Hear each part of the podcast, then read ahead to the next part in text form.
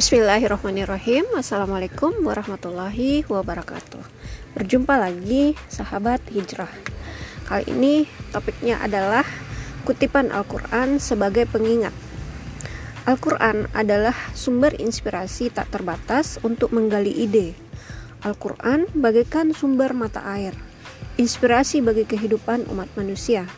Darinya terlahir berbagai cabang ilmu pengetahuan yang belum pernah ada sebelumnya. Sebagai mukjizat, setiap kata pada ayat Al-Quran begitu mempesona, begitu indah ungkapannya, serta memiliki kandungan makna yang sangat dalam.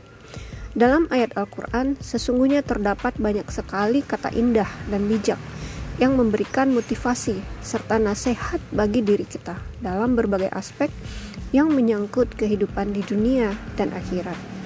Semua itu tergantung pada diri kita masing-masing. Apakah bisa menangkap pesan nasihat dan hikmah dari ayat Al-Quran tersebut ataukah tidak? Kehidupan yang menipu Quran Surat Fatir ayat 5 Maka jangan sekali-kali membiarkan kehidupan dunia ini memperdayakan kamu.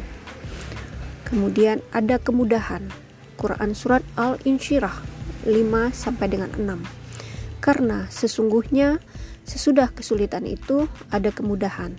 Sesungguhnya sesudah kesulitan itu ada kemudahan. Kemudian bersabarlah. Quran Surat Ar-Rum ayat 60 Dan bersabarlah kamu, sesungguhnya janji Allah adalah benar. Kemudian Quran Surat At-Talak ayat 4 Siapa yang bertakwa?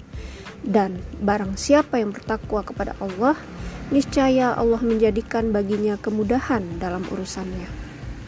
Lalu, sesuai kesanggupan, Quran Surat Al-Baqarah ayat 286. Allah tidak membebani seseorang, melainkan sesuai dengan kesanggupannya. Kemudian Allah maha melihat Quran Surat Al-Alaq ayat 14. Tidakkah dia menyadari bahwa sesungguhnya Allah melihat segala perbuatannya? Kemudian Allah pemberi rezeki. Quran surat Al-Jumu'ah ayat 11. Dan Allah sebaik-baik pemberi rezeki. Lalu Quran surat Al-Ankabut ayat 45. Fungsi solat. Solat mencegah perbuatan keji mungkar. Sesungguhnya solat itu mencegah dari perbuatan-perbuatan keji dan mungkar. Demikian sahabat hijrah Alhamdulillahirrabbilalamin Assalamualaikum warahmatullahi wabarakatuh